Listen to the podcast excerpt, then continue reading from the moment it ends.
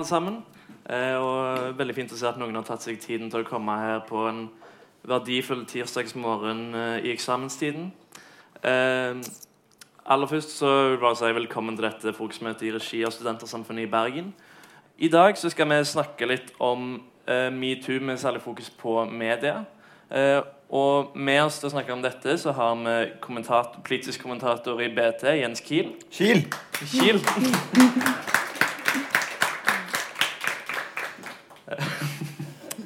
Start, starte med korreks. ja. Irriterte på målmannen eh, så kjapt. Eh, og, og redaktør i tidsskriftet Fett, Hanne Linn Skogvang. Var det riktig uttale? Ja, det var perfekt. Nei, det er godt. Eh, Da går det bare én vei oppover. Uh, eh, ja, som sagt, metoo og media. Så, og metoo kan jeg kanskje sies å være en av de største, et av de største fenomenene eh, som har hendt eh, de siste årene. Eh, og før vi beveger oss videre inn til fokus på media, eh, særlig i Norge etter hvert, så tenkte jeg at vi kan bare gå tilbake til the basics. Ca. to år siden, eh, når metoo kom. Hanne, hva, hva var egentlig Hva starta metoo som? Eh, jo, altså Det handler jo egentlig om media hele veien. Fordi metoo-saken i 2017 er jo også noe som breaka fordi man har klart å samle inn historier knyttet til Harvey Weinstein. Som, og det er på en måte begynnelsen på eh, det hele om eh, en rekke seksuelle overgrep eh, fra skuespillere. Eh, filmprodusenten Harvey Weinstein, altså. Og så noen, en ukes tid kanskje ti dager senere, så er det eh, tweeta Alice Milano metoo. Og så har du på en måte hele ballen satt i gang med å, å rulle Sånn veldig grovt oppsummert, da. Og eh, det snakkes litt om metoo-fatigue sånn eh, nå to år seinere. Men eh, for meg som feminist som har liksom vært med i Fett i mange år, og jobbet med dette, så er jeg på en måte ikke Så kjente jeg litt sånn når den saken kom, så var det sånn følte at jeg var sliten allerede på en måte av alt dette med seksuell trakassering. fordi altså, når metoo kom til Norge, så var det liksom en rekke opprop knytta til det var, tror det var skuespillere altså, var først ute med 'stille for opptak'. Og så etter hvert så kom fagforeninga med 'ikke til forhandling' og så en rekke andre opprop. som til slutt så er det faktisk signert av intet mindre enn 10 200 kvinner og 600 menn. Så det er ganske omfattende. Eh, men det er på en måte ikke noe nytt. Det er ikke noe vi visste før. Det liksom, kom en rekke rapporter. Jeg tror faktisk det kom en rapport om seksuell trakassering i renholdsbransjen allerede samme år, bare at det kom på våren fra Fafo. Og det høsta nesten ingen oppmerksomhet. Så det er måte, det er ikke noe nytt. Vi har hatt lovverk knytta til seksuell trakassering i mange år. Eh, Fett har også vært med på å initiere en 'Jeg har opplevd'-kampanje som, eh, som, også handler om å dele erfaringer om seksuell trakassering, som er en sånn tradisjon som går tilbake fra feminismen fra 70-tallet, der man liksom begynte å dele personlige erfaringer. og på en måte så her har man noe felles, og så eh, begynner man å gjøre det politisk. Man utvider rommet for hva som er politisk. Eh, og seksuell trakassering er et begrep fra 70-tallet, hvis jeg husker rett nå. Og da har man liksom funnet et sånn felles begrep som traff veldig, veldig fort i eh, USA, tror jeg det var eh, som en rekke kvinner har samla seg om, og så har det på en måte økt og økt i omfang. Så på 80-tallet så begynner det liksom å komme inn i norske medier, og så øker det sakte, sakte inntil eh, vår tid. Men, så det, det, er ikke noe nytt knytta til metoo, men det som er nytt, er jo på en måte omfanget og den enorme oppslutninga som man plutselig så, og at man kunne liksom dra på erfaringer og se på hva som skjedde i andre land. Og I tillegg så tror jeg det som er veldig unikt eller det er ikke unikt, det skal jeg ikke påstå, men jeg tror det som har vært veldig smart i Norge, er at man har knytta det så tett opp til ulike bransjer og arbeidsliv. For det har også gjort, gitt det til en helt annen måte å få gjennomslag på. fordi da kan man liksom, man har noen å knytte ansvaret til. Man kan se på hvem har ansvaret for å håndtere varsler.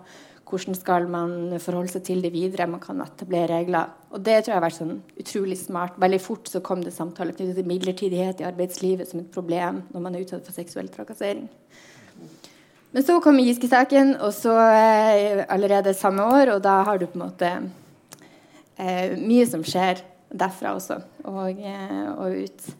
Den kommer vel i det stemmer ikke. Jeg vet ikke om du vil at jeg skal fortsette, eller uh... uh, Kan du jo gi henne videre til Jens? Du er politisk uh, Jeg syns det var veldig interessant å bare høre på. Jeg, hvis jeg kan...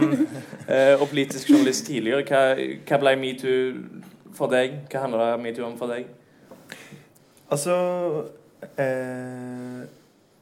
det, var jo på, det har jo vært egentlig mange ting. For først så var det jo på en måte et Jeg må si at det var et sjokk, egentlig. Altså fordi at du sånn som om Trond Giske og flere av de andre, så har vi jo hørt historier. Men eh, den typiske måten folk forteller om ubehagelige opplevelser på, er sånn at man ler det litt vekk, eller det var litt sånn Ja, det ble litt dumt, eller ha-ha, du veit nå åssen han er, eller Ikke sant? Og så har jeg på en måte aldri gått inn og sånn Var det bare morsomt, eller ikke sant? Du har ikke fulgt det opp. Og så skjønner du hvor ekstremt omfattende det er. Eh, og det, eh, det var jo en ganske sånn eh, ubehagelig opplevelse, egentlig. fordi at selv om du har sett tallene og sånt, og, ja, og skjønner du at du har bare bomma totalt som journalist. Da. og det, jo, det skjer jo jevnlig. Men ja. Og så var det jo på en måte dette med at vi som han er inne på at vi eh, Fra starten av så var det jo nettopp det var bransjer og ganske sånn tett knytta som jeg tenkte var veldig bra til fagforeninger. For da finner du på en måte et sted som noen som får ansvaret. Altså, da, da, må Skuespillerforbundet på banen, eller da må eh, eh, Arbeidsmannsforbundet på banen. ikke sant? Hvis deres bransje har kommet med et opprop. Um, og så blei det på en måte bare toppolitikken. Og jeg synes I helga så var jeg i i Sogn og Fjordane på årsmøtet til Sogn og Fjordane Journalistlag. Og hadde gleden av å dele ut noen sånne journalistpriser her. Sitte i en jury. Og en av de som rett nok, det er jo kanskje litt eh, synd, da, men ikke fikk pris, men hederlig omtale, det var Firda, altså lokalavisa for eh, Sunnfjord, særlig Førde, som hadde da våren 2018 et stort metoo-prosjekt. Jeg tror 13 artikler på kort tid, hvor de eh, henta inn eh, saker fra leserne, altså fortellinger, eh, og satte på trykk. Og det var eh, selvfølgelig noen veldig alvorlige saker, men veldig mye av det var i den sjangeren eh, kjipe opplevelser på jobben eller eh, på studiet, i skoletida. Eh, ting som ikke gjør at du liksom er at, du knekker sammen som menneske, men absolutt ikke skulle ha skjedd.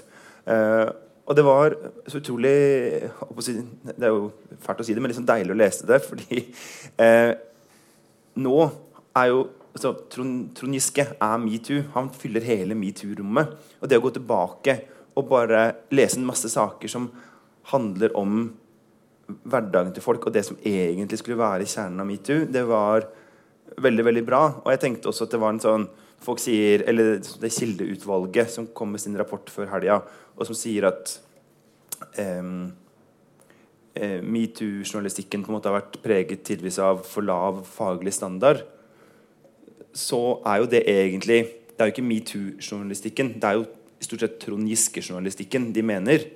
Og tenker jeg da, og da er det jo et eller annet med at det går tilbake og huske på hvor utrolig mye god journalistikk som ble laga bare om helt vanlige menneskers liv som ønska seg en, en, trygg og vanlig hverdag fri for trakassering og ubehagelige eh, opplevelser.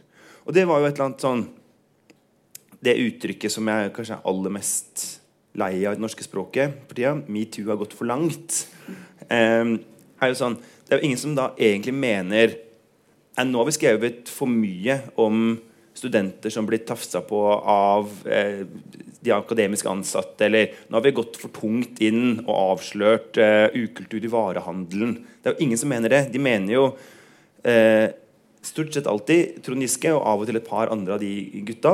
Eh, og det er det jeg tror også blir på en måte jobben framover. Å klare å, å, vinne tilbake hegemoniet i den kampen, og at metoo-komplekset eh, og metoo journalistikken må være en, eh, en brei frigjøringskamp. Og eh, en kamp som gjelder eh, alle mennesker, kvinner og menn og andre. Og ikke bare gå inn i på en måte noen veldig få menn helt på toppen av politikken. Er det noen som kunne kommet fram med en kopp kaffe? Jeg tømte min før start. Liksom, ah, du, du er den greieste i hele lokalet. Um, apropos dette med at uh, som om at journalistikk nesten delte seg i to med en slags toppolitisk uh, journalistikk om uh, Giske og andre aktører der, og den som du nevnte med eksempel fra Førde. Ehm, Hanne, ser du Når du ble intervjua i Klassekampen, når du tredde på som redaktør, så snakket du om at Fett sin oppgave kanskje ikke var å dekke metoo pågående, men heller å sørge for at det blir fulgt opp på en god måte. Eh, ser du òg dette skillet, og hvordan tenker du Hvordan skal en ta det tilbake til det det kanskje starta som eh, opprinnelig, og det som er den litt mer eh, ikke sensasjonsprega metoo-journalistikken, kanskje? Ja, Det er jo alltid morsomt når liksom ting du har sagt i intervjuer sånn Å, shit, jeg skal lansere meg sjøl som fettredaktør. Hva skal jeg si? Og så kommer det tilbake og spøker. For det ble jeg liksom minnet på i går når jeg så at dere hadde delt den uh, lenka. Men vi har jo skrevet om metoo, og jeg tenker kanskje at uh, uh, nå som på en måte Jeg føler liksom at hele sånn Giske-komplekset har på en måte nådd en sånn peak med den svarte natta-konferansen, så er det kanskje veldig god grunn til å bli minnet på akkurat, akkurat det. Men Nei, jeg tenker jo at det handler om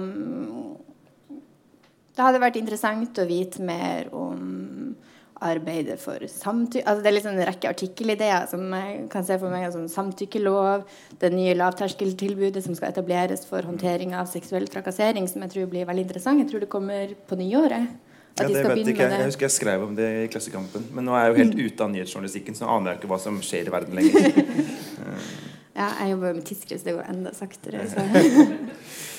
um, Ja, så det er liksom Jeg tror oppfølging i de instansene kunne vært veldig spennende. Fordi jeg tror det som er ekstremt viktig med metoo, er på en måte at det ikke Det handler ikke om de som er øverst i samfunnet, det handler på en måte om vanlige folk sine, sine liv. Og det som er så utrolig bra med at de skal etablere dette lavterskeltilbudet, er jo også at da det, blir det lettere å varsle, og også å få en, altså at man at det blir håndtert i lavere rettsinstanser også.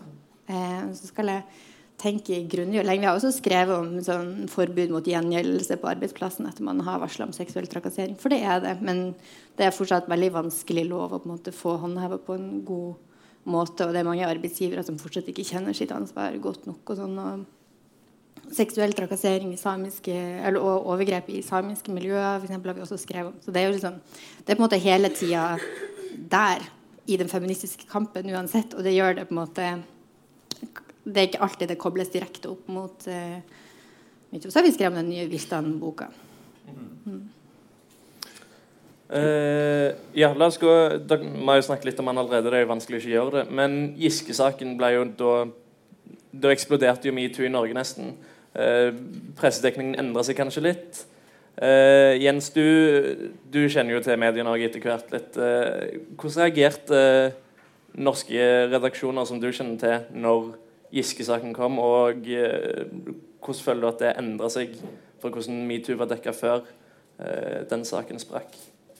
Altså, den sprakk jo på en måte På en måte relativt Kall det tidlig i, i dette sakskomplekset. For dette er jo på seinhøsten at dette egentlig får fart i Norge, sånn som jeg husker det. Uh, og så begynner jo Giske-saken for alvor å rulle midten av desember.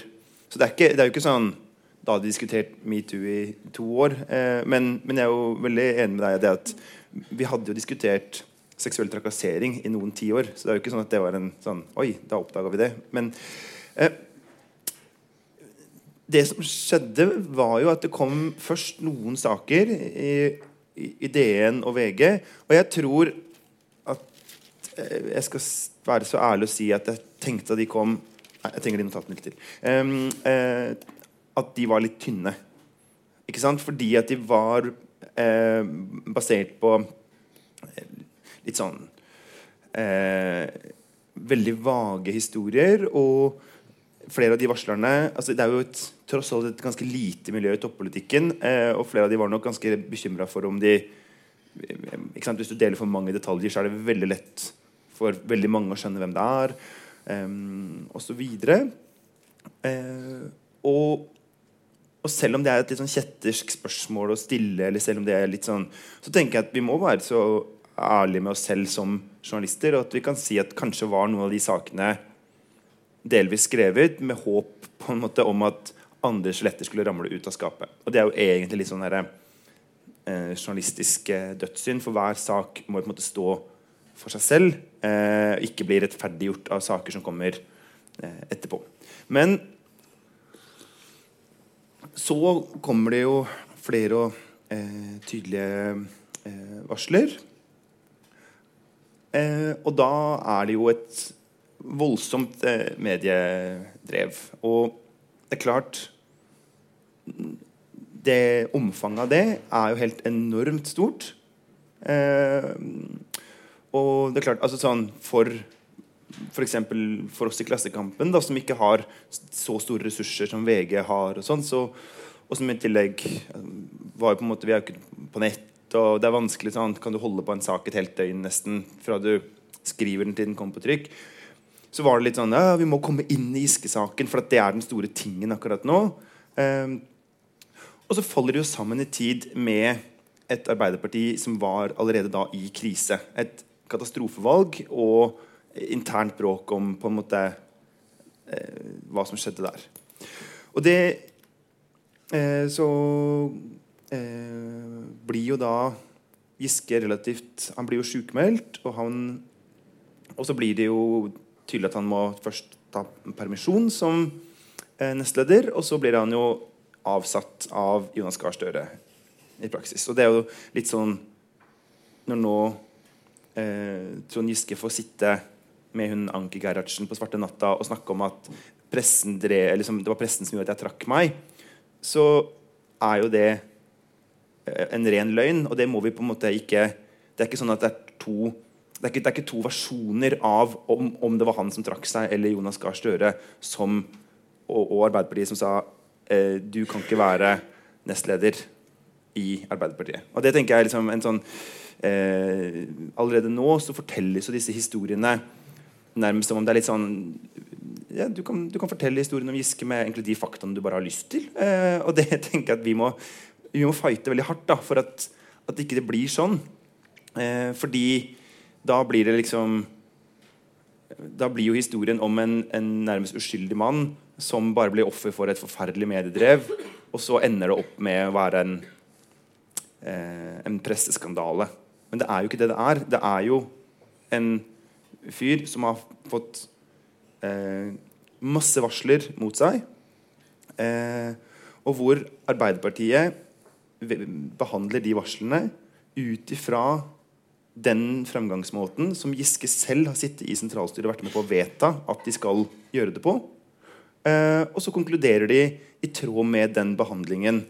Eh, og og da har jo på det tidspunktet flere av i hvert fall to av varslerne har stått fram. Og det er på en måte eh, Det er klart og tydelig for alle hva, hva slags historier det er eh, snakk om. Det er ganske alvorlige ting. Eh,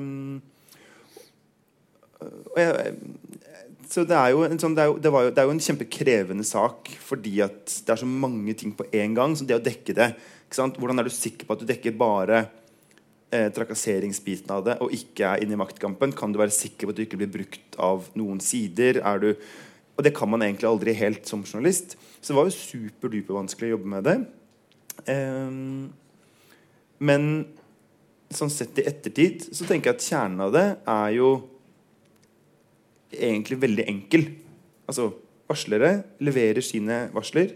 Arbeiderpartiet behandler dem i tråd med gjeldende prosedyre og kommer med en konklusjon om at han har brutt det etiske regelverket i partiet, og dermed ikke er skikka til å ha det vervet. Ferdig. Mm. Og det er liksom eh, jeg, jeg, håper at vi klarer å huske på det, da. Mm. Ja, jeg jeg syns også det er litt sånn interessant å på en måte se metoo-samtalen nå to år seinere på en måte bli litt sånn Og pressen jager i flokk etter stakkars menn. Altså det er liksom, du ser det vel Nå har vi på en måte kommet til et punkt i denne samtalen der det blir veldig lett å uh, gå tilbake og si at det handler bare om maktkamp. eller det jeg, kjenner, jeg jobba på en måte ikke på innsida i pressa, eller noe sånt, men jeg bladde litt i dette Kildeutvalget sin rapport i går. og Jeg ser jo f.eks. at Hadia Tajik er nevnt flere ganger. Og Hadia Tajik og hennes støttespillere man har vært en nyttig idiot. fordi på en måte sånn, det, ja, jeg, kan, jeg sitter ikke på innsida der til at jeg kan si noe om sannhetsgehalten i det, men jeg syns det er litt sånn ekkelt å se på en måte at metoo-dekninga blir redusert til det. Fordi, fordi for, for, for, det første så har det vært utrolig viktig at media har dekka metoo i den utstrekninga som de har gjort. Og eh, for det andre så har liksom disse ideene om at det handler om en maktkamp i Arbeiderpartiet, eller at blir, man advarer mot en heksejakt, eller man er bekymra på vegne av den dannede offentlige altså liksom, Alle disse bekymringene har vært til stede nesten fra dag én. Det er ikke sånn at det har vært en, en helt ren ukritisk dekning av seksuell trakassering i norske medier. Og så har man jo veldig tidlig også begynt å se til Sverige som en sånn Sverige har jo veldig veldig spesiell plass når man skal snakke om feminisme i, i Norge. At man liksom hele tida kan se, Men se på Sverige, det er så forferdelig. Det er der sånn må det ikke bli her. Og, ja, der, og der ble jo også dekninga av Virtan, som på en måte har blitt en sånn ekvivalent Giske. Vi trenger ikke å gå inn i detalj i det, men, men han har jo på en måte fått bli en sånn Giske og Virtan. Det er liksom de to største metoo-ofrene i de respektive landene. Men Virtan-dekninga ble jo felt i svenske PFU Polen, tror jeg det heter. Det er jo en forskjell, da. Det ble vel ikke Giske-dekninga, så vidt jeg vet. Det ble den ikke. ikke. Eh, nei. Altså, men, men, det er klart Jo, altså, det, altså Eller hva skal jeg si? Eh, Giske-dekninga ble jo felt med Sofie-saken, men metoo-dekninga ble ikke felt. Fordi jeg tenker vi skal holde Sofie-saken eller bare Vulkan-saken eller dansevideosaken eller VG-sak, altså kall det akkurat hva dere vil. Mm. Den saken utafor metoo-komplekset. da ja. Fordi det jo ikke er trak seksuell trakassering til stede i den. Syns du ikke at det, det fokus og sammenligningen til Sverige har Er den legitim, eller er, har det bare vært en avsporing av norsk metoo-diskusjon? Jeg tenker total avsporing. For det er eh, Hvis jeg skal spørre her, f.eks. Hvor mange her leser jevnlig én eller flere svenske dagsaviser? Én, to, tre. Ikke sant? Eh, jeg gjør det ikke. Og, og, det, og, jeg tror det er omtrent sånn det er at liksom, ja, det fins noen her og der som følger litt med på svensk politikk. Jevnt over så gjør vi det ikke. Og når jeg da hører liksom fattern komme og belære meg om svensk presseetikk, så tenker jeg sånn Ok, pappa, eh, er du, liksom, er du helt sikker på at egentlig noen av oss har forutsetning for å ta denne debatten? Så jeg, jeg tenker at eh, Og så tror jeg det er så mye i den norske debatten som vi kan diskutere. Ikke sant? Av både ting som vi i pressa gjorde kjempebra og fortjener gullstatuer av oss sjæl på torget for, eh, men også ting som hvor vi ikke traff. Uh, og det kanskje det siste knytter seg mer til de sakene vi ikke skrev, enn de sakene vi skrev. Ikke sant? Eh, at Jeg tenker, jeg mener i hvert fall at norsk presse, og meg sjæl inkludert, eh, fortjener mer kritikk for at vi slapp det sporet med fagforeninger og vanlige arbeidsfolk så tidlig, enn at vi eh, var på en måte altså, altså, Vi kan alltid diskutere var det for mange store bilder av Ulf Leirstein i avisene? Eh, ble på en måte navnet til Christian Tonning Riise for mye blåst opp i Dagbladet sin litt sånn tabloide stil? Ja eller nei? Og så kan man ta en, det er på en måte helt, altså De er jo folk, de, og de på en måte skal jo De har jo rett på å på bli behandla ut ifra den gjeldende presseetikken. Det er jo ikke fritt vilt. Men tross alt så var det på en måte ganske sånn clean cut, al jævlig alvorlige saker som det er bra at kommer fram i Norge. Eh, og så tenker jeg at det, er, det, verste er på en måte det, de feltene hvor det ikke har kommet fram, eller hvor vi ikke har kommet til bunns. da. Mm. Ja. Uh, ja, Der berører du jo de to uh, hovedkritikkene av media. Den ene er jo litt den der svenskprega med at det var heksejakt. Og, Men ingen uh, heksejakt uten heks. uh, uh, men det, sånn var det jo ikke i Norge. Uh, hva, hva, tror du er grunnen til at det har vært så lite fellinger i PFU eh, i Norge. Hva, var norsk journalist, journalistikk bedre egnet til å møte en sånn sak? Tror du? Ser du på meg nå? Jeg ser på den som tar ordet. Jeg har vært forsiktig med å gi navngi folk, da, bortsett fra disse tre toppolitikerne. Så er det vel Davy Vatne, tror jeg, som jeg vet om ved navn. Som Ja, altså, det, er ikke, det er ikke sånn at det har liksom hagla med navn. Vi har vært forsiktige med det. Um, uh, og så har vi jo altså uh, Stort sett Hvis du går tilbake og ser de sakene som har vært, så har det jo vært helt sånn ryddig med eh, en eller annen varslingssak eller et eller annet fenomen, og så et tilsvar. Ikke sant? Og som Jeg leste en boka til hun eh, Hadia Njay, og den er jo i den så, står, så er det jo på en måte beskrevet veldig som at hun og ektemannen, hvem nå enn det er, eh, står helt sånn aleine.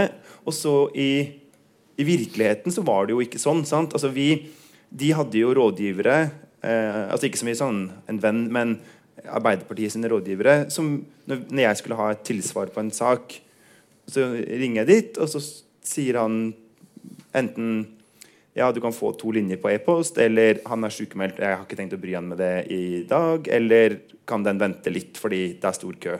Altså, sånn, så det, var, det er jo ikke sånn at det var at det bare var et sånn sirkus uten noen altså Vi fulgte jo de vanlige arbeidsmetodene våre. Uh, og så tenker jeg kanskje, og det er det siste, at nå kommer jo dette kildeutvalget har jo kommet med hva er det for noe? Seks forslag til endringer av eh, Vær varsom-plakaten. Jeg er ikke sikker på om jeg er enig i alle dem, eller jeg tror jeg er enig i kanskje halvparten. Men det er jo også en diskusjon. Du, jo, du, kan jo bare felle en sak i PFU ut fra det gjeldende eh, Vær varsom eh, Vær varsom-plakaten. Og det er jo en diskusjon om den plakaten er god nok. For det kan jo være saker der hvor vi f.eks. har vært for rause med bruk av anonyme kilder med negative personkarakteristikker. Som jeg syns ofte at norsk presse er litt for, at vi er litt for slepphendte med. da. Mm. Ja. Uh, du nevnte jo Haddy-boka, og det er jo det er kanskje det nyeste tilskuddet til debatten uh, om hele metoo-dekningen. Uh, og du skrev jo òg en kritikk av den. mener dere at den boka burde blitt publisert sånn den var? Nei. Nei. jeg vet ikke. Jeg har, liksom, jeg har vært redaktør i Fett i snart et og et halvt år, og jeg har lært meg at jeg får ikke lov til å si at bøker ikke burde blitt publisert, for da, da blir jeg kjappjaga. Så det Jeg vet ikke. Jeg tenker at hun får um, Jeg har ikke lest hele boka, men hun kan selvfølgelig publisere hva hun vil, og så har vi all rett til å kritisere det som står der. Mm. Altså, sånn selve av bokas hva er det for noe 400 sider, så tenker jeg at det er 380 som helt fint kunne vært publisert sånn som det er. Ikke sant? Mye av det er ikke helt uh, min skrivestil, men det er jo helt uvesentlig. Det er jo bare en, det er jo en, uh, det er en bok. Og så er det jo de gangene hun går inn og bare konkluderer med at varslerne er løgnere, uh, som jeg mener er veldig problematisk. Eh, og så går denne boka lenger enn andre har gjort i å identifisere i hvert fall én av varslerne. Eh, som jeg mener er ekstremt problematisk. Fordi det, jeg tenker at vi kan ikke ha en situasjon hvor det er sånn at vi i pressen har et kjempeansvar for ikke å for identifisere en varsler, mens, en, mens, et forlag bare kan hive ut ting som det passer dem. Jeg tror det er en eh, da, da, er jo på en måte hele den muren full av høl, og da har jo ingen sikkerhet når de varsler lenger. da. Sånn at jeg tror De tingene mener jeg at ikke skulle ha eh, kommet på trykk. Og, eh, og jeg oppfatter Gyldendal som at de har gjort en veldig slepphendt jobb med de, de delene av arbeidet. Eh, og jeg oppfatter også at det at de f.eks. ikke eh, tok kontakt med varslerne på forhånd engang. Altså, Én ting er at de sier vi i Gyldendal stiller oss på Hadia Njay og Trond Giskes side mot varslerne. Det er jo på en måte en rett man har. Man kan jo velge å tro hva man vil. Men at de ikke engang sier neste uke så kommer det en eh, bokbombe. Og siden vi veit at for varslerne har dette vært enormt tøft å stå i. Og, eh, sånn, så i hvert fall vil vi gi en liksom, heads up på det. Og torsdag, fra torsdag morgen så kommer du til å bli ringt av alle mulige folk og kommer til å liksom være fritt vilt igjen. Eh, det tenker jeg at er en, kunne vært liksom eh, det, det, at ikke Gyldendal en gang gjorde det, tror jeg tyder veldig på at de ikke skjønte hva de hadde mellom hendene. Mm. Ja.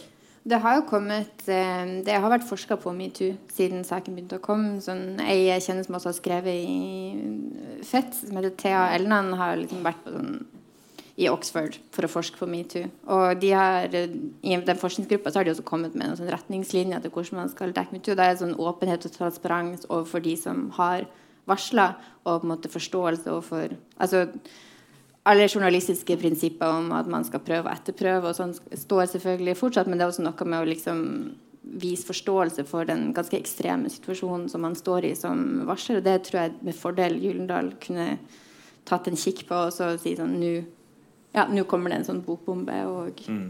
Men bare en det, sånn ting som at f.eks. hun Sunniva Andreassen, da, som har vært en av de Tromsø-varsleren, som har vært en av de tydeligste stemmene i offentligheten, og har på en måte orka å stå i dette hun, eh, Når dette her skjer, så fins det jo Hun er jo ikke en eh, altså Der liksom eh, Trond Giske og Hadia Njay har de har Gyldendal, de har Arbeiderpartiet, de har rådgivere, de har alt sånt noe. Hun er jo bare en dame med en unge, tror jeg, på liksom en liten kid. Og, og etter helga skal hun ha eksamen i noe sykepleiervitenskap og er liksom busy med sine ting i livet.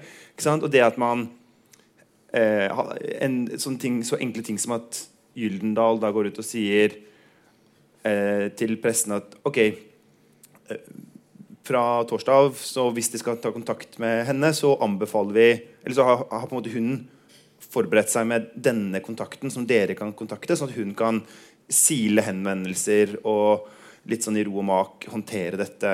Eh, sånne, bare sånne ting, da. Eh, at hun vet at hun må ha noen folk rundt seg. Altså, jeg tror eh, eh, På en måte Det Gyldendal gjør, er jo å gjøre det verre og farligere å varsle.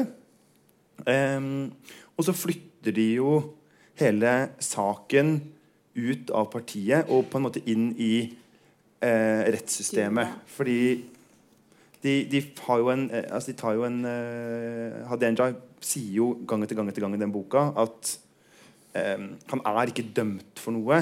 Han er ikke dømt. ikke sant? Og jeg hører veldig mange av de på Giskes side kommer jo til meg og sier at da uh, da Hadia Tajik skrev at hun reagerte som menneske, nestleder og jurist, så, så sendte hun tankene hos alle i retning av sovevoldtekt. Og det tenker jeg at jeg tenkte aldri det da jeg leste det. Men når de nå etterpå sier det, så blir jo det en sånn eh, eh Da spiller du opp for å prøve å lage en størst mulig forskjell mellom det Hadia Tajik skulle ha påstått, og det som virkelig hadde skjedd. Sånn at han på en måte i den relativt sett blir utrolig uskyldig. da. Men Eh, men Arbeiderpartiet har aldri sagt, og Trond Giske i sentralstyret gjennom 20 år Arbeiderpartiet har aldri sagt eh, seksuell trakassering må vi alltid sende til eh, domstolen. Um, og hvis vi skal komme dit at på en måte enigheten etter den boka og etter hele denne prosessen er at skal du varsle, så holder det ikke å ta en prat på eh, partisekretærens kontor og sånt noe. Da må du stå med fullt navn og ansikt i rettssak hvor det er tre eller to eh, ankeinstanser og hele pakka, da er vi på en måte ferdig med å ha et varslerinstitutt i Norge. Da, da fins det ikke lenger en mulighet for andre enn noen veldig veldig få modige sjeler til å varsle. Og da er vi kortere enn vi var før metoo. Drit og dra. Apropos dette begrepet eh, seksuell trakassering. Det har jo vært flere artikler der det begrepet har blitt brukt, og så har blitt klagt på. Uh, og artikler har blitt uh, redigert, eller i hvert fall gitt en merknad. Hanne, kan du snakke litt om hvor begrep seksuell trakassering egentlig kommer fra? Du nevnte jo det litt tidligere òg. Mm. Og syns du det er et bra begrep til å bruk, bli brukt om saker som iski? Ja. Eh, ab, ab, absolutt. Men, og jeg er veldig skeptisk til en sånn rettsliggjøring som snakkes om her av begrep. Altså, det er klart at vi trenger juss og domstoler og alt det for å liksom si sånn på en måte For å prøve å sette noen objektive kriterier for hva som skal regnes som trakassering. Men det handler også om mye, mye mer enn bare Og jeg tror at hvis Giske-sak altså Hvis metoo hadde vært like stort nå, hvis man hadde fortsatt sett denne strømmen av opprop i offentligheten nå, som, så hadde ikke Giske sluppet unna med på en måte den rettsliggjøring Eller sånn, da hadde han ikke kunnet si det han sier nå, fordi seksuell trakassering er på en måte et begrep som skal omfatte veldig mye. og Det stammer jo fra 70-tallet, tror jeg, som uh, nevnt, der det liksom er en uh, rekke professorer og studenter som finner ut sånn Oi, uh, vi har faktisk en del til felles i hvordan vi blir møtt og trakassert av våre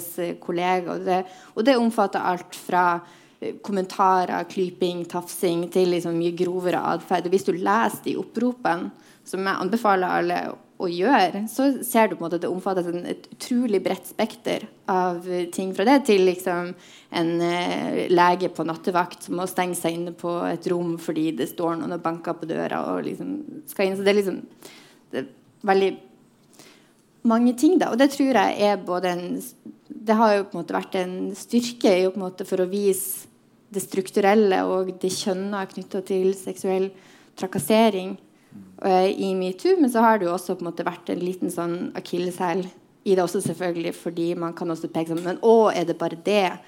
Eh, det var jo ingenting. Og det er på en måte Da må man på en måte også forstå at det handler om noe mye mer enn den lille berøringa, eller liksom det, på en måte, det handler om det, det, er på en måte det gjentagende ved det mangelen på gjensidighet og interesse for den andre. Og jeg tenker at Seksuell trakassering er et begrep som også har gitt oss en samtale om etikk og grenseoverskridelser uh, og flørting og hva det egentlig er for noe som vi absolutt trenger. Så jeg er veldig Jeg tenker at for det første vil en rettsliggjøring av begrepet gjøre terskelen høyere for å varsle, fordi altså, Hvis du ser hvor mange saker som blir i det hele tatt tatt til domstolen når det kommer til voldtekt, for eksempel, så er det jo nesten mulig å få de så langt. Og etter det så er også domfellelse veldig lavt. Så kan, man kan bare forestille seg med seksuell trakassering hvis man skulle på en måte rettsliggjort begrepet på den måten. Da, mm. da mister man utrolig mye kraft i det som er altså, det som er viktig, er jo at arbeidsplasser og organisasjoner Og der skjer det jo utrolig mye bra også. Nå jeg vet jo at ungdomsorganisasjoner og sånn jobber med å få liksom etablert gode retningslinjer, for de er spesielt sårbare for seksuell trakassering. Altså, det skjer masse bra, og det trenger vi også en måte bare en bevisstgjøringsprosess omkring. dem. Eh, også. Og ja, jeg tenker at seksuell trakassering omfatter også det Giske-komplekset, eller hva man skal kalle det for noe. Eh, ja, det er slett. Uh, men uh, når vi snakker mye om hvordan media har håndtert metoo, og hvordan de endrer seg, og det har vært litt med systemkritikk og sensasjonalistisk eh, Jens, syns du at pressen i løpet av denne toårsperioden har endra seg eh, på noen fundamental måte, eller er det litt mer overflatiske strømninger? Det er jo litt sånn Hvis jeg svarer ja, vi endrer oss fundamentalt til det bedre. Og alle dere tenker sånn Nei, de er fremdeles idioter. Så er det jo liksom pinlig å være meg. Men, men jeg tenker det, da. Og det handler f.eks. om en sånn ting som at um, Jeg tror når vi sitter her, og eh, redaktøren for det feministiske tidsskriftet er en kvinne, og den politiske kommentatoren er en mann, så er det liksom ganske representativt for åssen dette funker. At eh, blant de politiske journalistene og de politiske kommentatorene og de politiske redaktørene så aulere av mannfolk. Eh, og det eh, Altså, menn er jo hyggelige, de. Altså, det er ikke noe galt, galt med oss. Men, men, at det er rett og slett sånn at vi har, vi en, vi har ikke vært en del av det diskuterende kvinnefellesskapet. Og, og mange, altså det er jo mye færre menn som har opplevd seksuell trakassering i sin egen hverdag, sin egen yrkeshverdag osv. Så, videre. så jeg tror jo også at ganske mange av de gutta måtte lære hva dette var for noe. Eh, og jeg opplever jo at jeg håper å si, Fra det første julebordet i presselosjen, som var altså i desember 2017, som er der hvor alle altså alle journalistene som jobber på Stortinget, møtes oppe på Ekeberg-restauranten og har en slags haraball. Eh, eh, og til nå så er vi på en måte Vi er ferdig med alle metoo-vitsene. Vi er ferdig med alt det greiene der. Vi er ferdig med alle menn på 52 som sier sånn Er det ikke lov å si hei lenger nå? Ikke sant? Alt, alt det, sånn at jeg opplever at den indre prosessen som har skjedd blant journalister, har vært ganske viktig. Jeg tror at det forandrer åssen vi skriver om det i spaltene. Um, og så tror jeg jo at vi Dette høres helt fælt ut å si, men at liksom fordi den gjengen er som den er, da, så er det litt sånn at, det gått, at man har skjønt at det har gått fra å være et kvinneproblem til å være et samfunnsproblem. Som om ikke kvinneproblemer er samfunnsproblemer. Men på en måte tolk meg beste altså, at, at, det er et veldig allment problem. da Så jeg tror, det, jeg tror at de tingene har endra seg.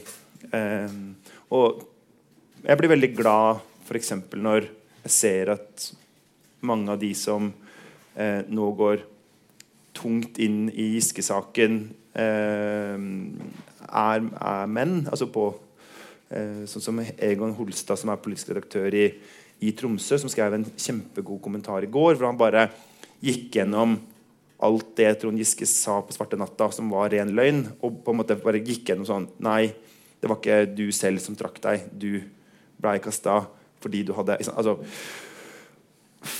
Og det veit jeg også. Jeg skal prøve å runde av. Det blir mye lange ja. Det at er til god støtte for mange av damene i bransjen som jo har en del av de skrevet om dette i 10-20-30-40 år og bare er så jævlig dritlei av å skrive om det. Og er også ganske sånn dritlei av å stå aleine i det og få litt sånn Ja, ja, ja, så var det du med de der eh, damegreiene dine. Ikke sant? Eh, så jeg tror Jo, jeg tror vi har endra oss, da. Også, ikke liksom perfekt, men Men eh, ja. Mm. Mm. Jeg kan bare legge til på akkurat det, for jeg nevnte litt om forskning på metoo også. Og hun har også konkludert i sin rapport men man ser en sånn svak nedgang. Det er bare to år, så det er lite utvalg og ikke representativt og blad i blad. Men man ser en svak nedgang av bruk av voldtektsmyter i dekning av voldtektssaker. Som jeg også tenker er sånn veldig positivt. Og hvis man ikke er liksom helt klar over hva det er for noe, så er det liksom diskreditering av offeret. Det var liksom du ba om det, osv. så Liksom, sånne forestillinger. Så det tenker jeg også Jeg håper at den trenden fortsetter.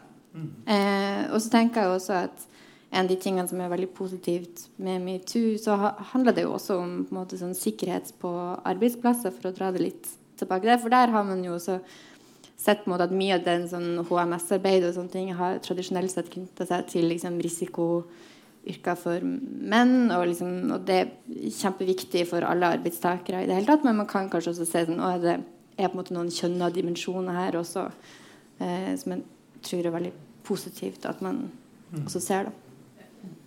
Eh, eh, et siste kort spørsmål før vi går videre til spørsmål fra salen. Eh, Kort oppsummert, hva vil dere si er det beste og verste med norsk uh, metoo-pressedekning? Jens, Kommune. Det beste er at jeg opplever at eh, journalister flest tar varslerne på alvor og har fått veldig gode rutiner i hvordan vi håndterer eh, varsel eh, som gir dem en sikkerhet eh, osv. Um, det verste er eh, nok når vi ender i en sånn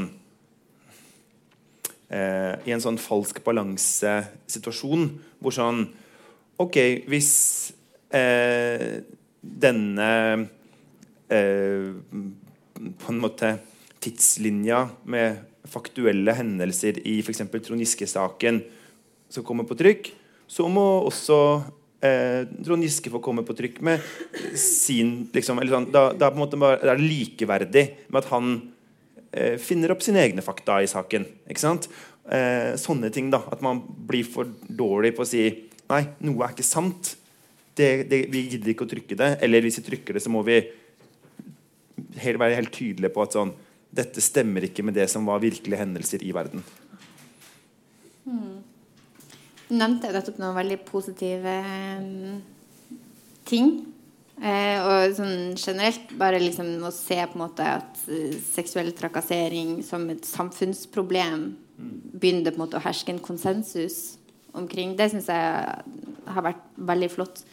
Eh, så jeg tror kanskje det verste eh, Så kan jeg trekke fram noe som ikke har, vi ikke har snakka om så mye allerede. Men det er dette med at man ser at feministisk kritikk, enten det er liksom panelsammensetning eller liksom på Svarte natta, eller eh, knyttet til kritikk av den boka til Hedy Anjay, at man ser på en måte det kommer en del sånn Å ja, men du vil innskrenke ytringsrommet. Ja, ja. Eh, og liksom sensuranklager og sånne ting. Og det ser jeg på en måte kommer egentlig mer og mer i kritikk av feminister. Og det syns jeg er ganske bekymringsverdig. Og liksom, det er liksom å vri litt på debatten også, fordi sånn, man kritiserer noen for å ha kommet med en ytring som er en kritikk. og så er Det liksom, det er både en sånn misforståelse av hva kritikk er for noe, og det er også liksom selvmotsigende fordi man kritiserer noen for å ytre noe, men fordi i ytringsfrihetens navn, som er liksom pussig det, liksom, det, er mange rare ting som er i spill der, da. Men jeg syns i hvert fall denne sensurhysteriet som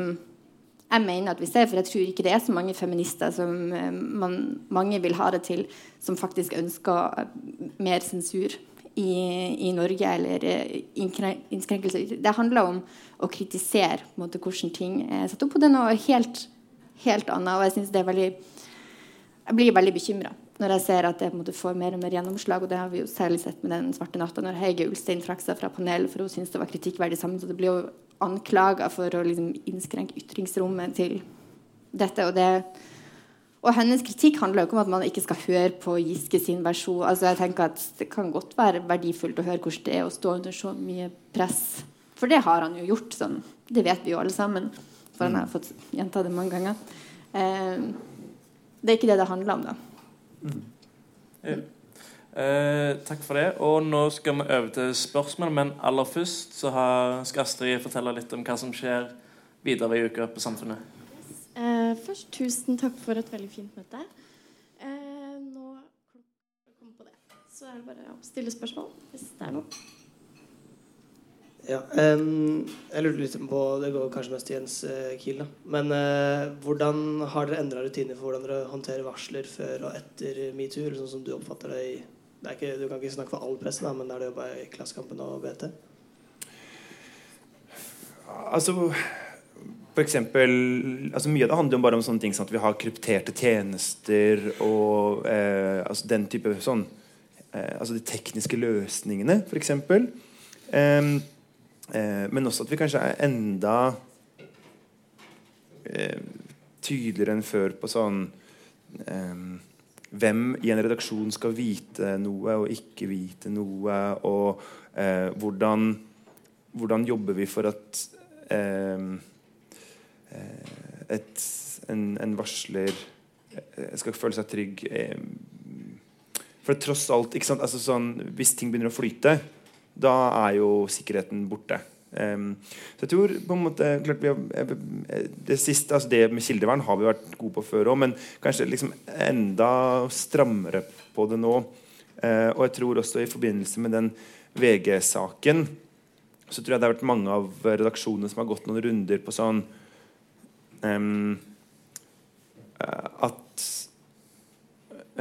leddene over de, si, det operative nivået, eller de som, vi som er på gulvet og skriver, eh, har litt tydelig avstand til en del. sånn at hvis det kommer til en krevende diskusjon, så kan de gå inn og se på det med litt friske øyne. Og, så, og det gjelder egentlig på begge sider. Da, at man kan gå inn og si du, vi, Jeg tror vi skal dempe språkbruken, den tittelen om han, det, han vi nå skriver om, fordi det ordet slår veldig veldig hardt. Eller, altså, så det kan også gjelde mot den det varsles mot. Jeg tror, eh, så En del sånne type ting tenker vi har gjort som er, høres kanskje litt kjedelig eller liksom byråkratisk ut, men som i sum er ganske viktig for uh, varslerne, blant annet.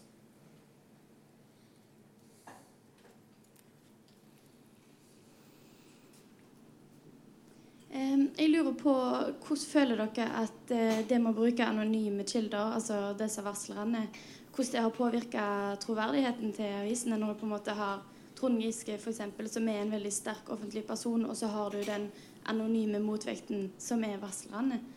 Har dere merka noe på hvordan troverdigheten har framstått i avisene? Vil du si noe om det? Mm. Jeg syns det er litt vanskelig å svare på, for å være eh, ærlig. Jeg føler ikke at jeg har svekka min tillit så mye. Nei, sant. Eh, men det er liksom, jeg står på en måte ikke på innsida i dette i pressa på samme måte som, som du gjør, så jeg kjenner jo på en måte ikke til de avveiningene. Jeg kan si Det har ikke svekka min tillit til media. Sånn, jeg tror den Sofie-saken var ekstremt skadelig for både metoo og for troverdighet og sånn, men akkurat dette med anonyme kilder, så tror jeg nok at jeg har en slags eh, Jeg skjønner at det er et godt prinsipp å prøve å unngå det, og at man skal ha etterrettelighet, og man skal ha flere kilder som kan bekrefte uavhengig av hverandre. og liksom eh, sånne ting. Men jeg tror nok også det har en liten sånn bias, for å være ærlig. Og at jeg tenker at hvis man skriver om det, så er det også gode årsaker. Jeg tenker at um, hele denne hele denne Giske-saken særlig eh, har jo egentlig, føler jeg, kjørt norsk offentlighet ned i to grøfter. Og det er, Hver gang jeg skriver om Giske-saken, så er det på en måte bare på med hjelmen og under dyna. Fordi det liksom kommer sånn veldig mye støtteerklæringer fra alle mulige hold og sånt noe. Og bare liksom hele gubbeveldet finner fram tastaturet og eh, har eh, klare og tydelige meninger. Eh, og, og, og, det er jo litt sånn at det jeg skulle ønske meg, var jo at jeg greide å skrive om dette eh, på en måte som gjorde at alle de som bare som ikke, som ikke egentlig trodde på meg, begynte å tro på meg. eh, men jeg skjønner ikke helt hvordan jeg skal få det til. Eh, men jeg, jeg, tror at for de som kanskje allerede var litt kritiske eh, til om pressen har en egen agenda, og til om vi eh, er helt å stole på, så tror jeg dette var litt sånn bekreftelsen. Mm. Eh, og for, for, dem som tenkte at eh, ja, det er, at det er bra med en presse som eh, tør å ta tak i samfunnsproblemer, også selv om de er kontroversielle osv., så, så var dette veldig så har dette vært stort sett veldig sånn bra. At de tenker ok, dette er, liksom, viser at journalistikken gjør jobben sin, og at vi har en velfungerende offentlig debatt. Da. Så, mm. Ja. Jeg, jeg, vet jeg kan jo legge til at jeg aldri var liksom den personen som leste mest om Giske-saken. For jeg merka liksom at det interesserte meg ikke så veldig mye mer enn det ble vevd inn i den uh, fortellinga om maktkamp. og Eh, og, så videre. og det som jeg tenker er viktig å huske da, at når metoo-dekninga begynte å komme, så var det jo en del anonyme opprop knyttet til seksuell trakassering på ulike arbeidsplasser som, der historiene ble fortalt anonymt. Og det tror jeg er veldig gode grunner, fordi varslere måte, tar en stor risiko når man uh, varsler dem. Men de var også signert med navn. Altså disse 10 200 kvinnene som det står i notatene mine, har på en måte signert med navn. da. Så Det er liksom, det er ikke sånn at hele metoo-bølgen er på en måte sånn navnløs masse av forferdelige lidelseshistorier knytta til seksuell trakassering. Det syns jeg er veldig viktig å huske på, selv om det ikke er relevant knyttet til akkurat den ja. eh, saken her. da. Mm. Og det er jo også i denne saken varslere som har stått fram. Mm. I, Giske-saken. Som jeg tenker har vært eh, eh, Jeg vil liksom ikke jeg vil ikke si sånn Det burde man gjøre, eller sånt, for det mener jeg ikke skal være et krav. Men når de valgte å gjøre det, så er jeg jo veldig glad for at de orka det. Fordi at jeg tror det har vært veldig bra for legitimiteten, nettopp pga. det du spør om. Ja, det er absolutt. Mm. Hei, takk for en veldig god samtale. Um, Enig. er det noen vei tilbake for disse mennene? Altså Nå er det ganske stort spenn i hva de er anklaget for, men kan dere snakke litt om det? Eventuelt hvor lang tid det må gå før de kan komme tilbake eh, nærmere der de var, eller eventuelt der de er, var når de ble anklaget for dette? Altså, Ulf Leirstein var jo stortingsrepresentant. Han er jo stortingsrepresentant. Eh, gratulerer med det. Det er jo sånn på en måte loven er, da. Eh, eh, han er jo utmeldt av Frp. Eh, og jeg tror at han ikke kommer til å komme tilbake. Eh, sånn som jeg ser det. Og jeg tror også at i Frp, som har vært så ekstremt hardt herja av skandaler, så lurer jeg på om de er litt De er litt lei av det. Um, og så um, Men det er viktig å huske at han var altså ordstyrer på årsmøtet i Viken Frp i vinter. Uh, så han satt og var ordstyrer oppe på det samme podiet hvor Siv Jensen sto ved siden av han og snakka om kampen mot eh, metoo og en bedre partikultur. Det er fascinerende. Eh, så er det Kristin Tonning Riise, som også var ordstyrer på Innlandet eh, Høyre sitt årsmøte i vinter. Et år etter. Altså det er jo, men han, der, tror jeg nok også at Erna Solberg har på en måte brukt sin makt til å bare si han har ikke en fremtid i Høyre. Um, sånn som det er nå. Men så kan det jo hende altså, om 10 og 15 år som jeg mener at folk er jo ikke det er jo ikke, det er jo ikke sånn at folk skal ha en livstidsdom nødvendigvis. Uh, og, det, så ja. og så er det Trond Giske som er sånn Det er helt umulig å spå. Fordi, han, altså fordi partiet hans i tillegg er nærmest litt i oppløsning. Sant? Det er jo et parti i krise. Eh, og hvor det er så mange kamper som kjempes samtidig.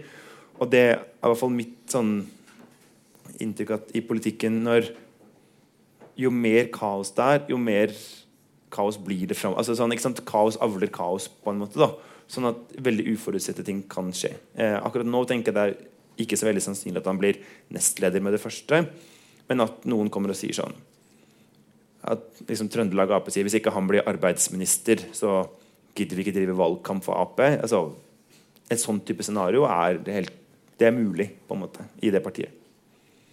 Mm. Jeg tenker at jeg skal heller ikke begynne å liksom meisle ut noe sånn dom eller sånn. Jeg tenker at det finnes rom for eh, tilgivelse og um, alt det der. Men for meg så handler altså, Nå snakker vi om politikk og politikere som skal velges inn i tillitsposisjoner i samfunnet. Og jeg tenker at det er på en måte en vesentlig del av spesielt det yrket. da, At eh, det er klart at min tillit Vi er svekka til alle disse tre politikerne, så jeg har ikke så veldig lyst til å se dem i disse posisjonene. Du kommer ikke til å stemme Østfold Frp neste gang? Nei, jeg kommer ikke til å gjøre det. og, og det liksom, ja, For min del så handler det veldig mye om akkurat det. da Og så tenker jeg at det er rom for at folk kan komme tilbake, og folk kan gjøre feil. Og alt det der Og så er det vel én ting her, og det tenker jeg altså Det viktige er jo hvem er det som burde få avgjøre det? Jo, det er varslerne. Ikke sant? Eh, at i, mitt, i, mitt, mitt, eget liv, da så jeg var jo For 15 år siden så varsla jeg om en sak i en organisasjon jeg var aktiv i. Og da var svaret fra denne organisasjonen at så lenge du er aktiv, så kommer vi ikke til å invitere han til noe som helst av møter, arrangementer. Ingenting. Og hvis han melder seg på, så kommer vi til å ringe han og si du er avmeldt. Fordi eh, ikke sant? Hvis, fordi de visste at hvis han kom til å være på et møte, så, vært, så kan ikke jeg være der. Eh, og da da tar man det valget og sier at da er det ikke sånn at han skal kunne presse meg ut av å være aktiv i den organisasjonen. Eh, og det tenker jeg er det viktige her òg. At det er klart hvis, eh, hvis uh, Høyre gjør en runde og finner ut at disse varslerne i fylke etter fylke og med til dels veldig alvorlige saker alle sammen sier at det, det går fint og vi har lagt det bak oss, så, så er det ikke sånn at jeg syns at at jeg skal si Men jeg moralsk fordømmer han fremdeles. Altså, men jeg tror jo ikke det kommer til å skje med det første. da uh, ja. Så er, jeg tenker mye av det må skje på varslerens premisser også. Ja, det er veldig enig. Og så tenker jeg også på en måte at det handler også om å vise en forståelse for at man har gjort noe feil. Angre, liksom gi en unnskyldning. Og der er det ingen av partene som har på en måte gjenoppretta min tillit. I hvert fall, Og det er heller ikke min jobb å på en måte komme med noen sånn endelig dom her heller. Det, men ja, jeg tenker at det handler om en litt forståelse om hva det faktisk dreier seg om. Da.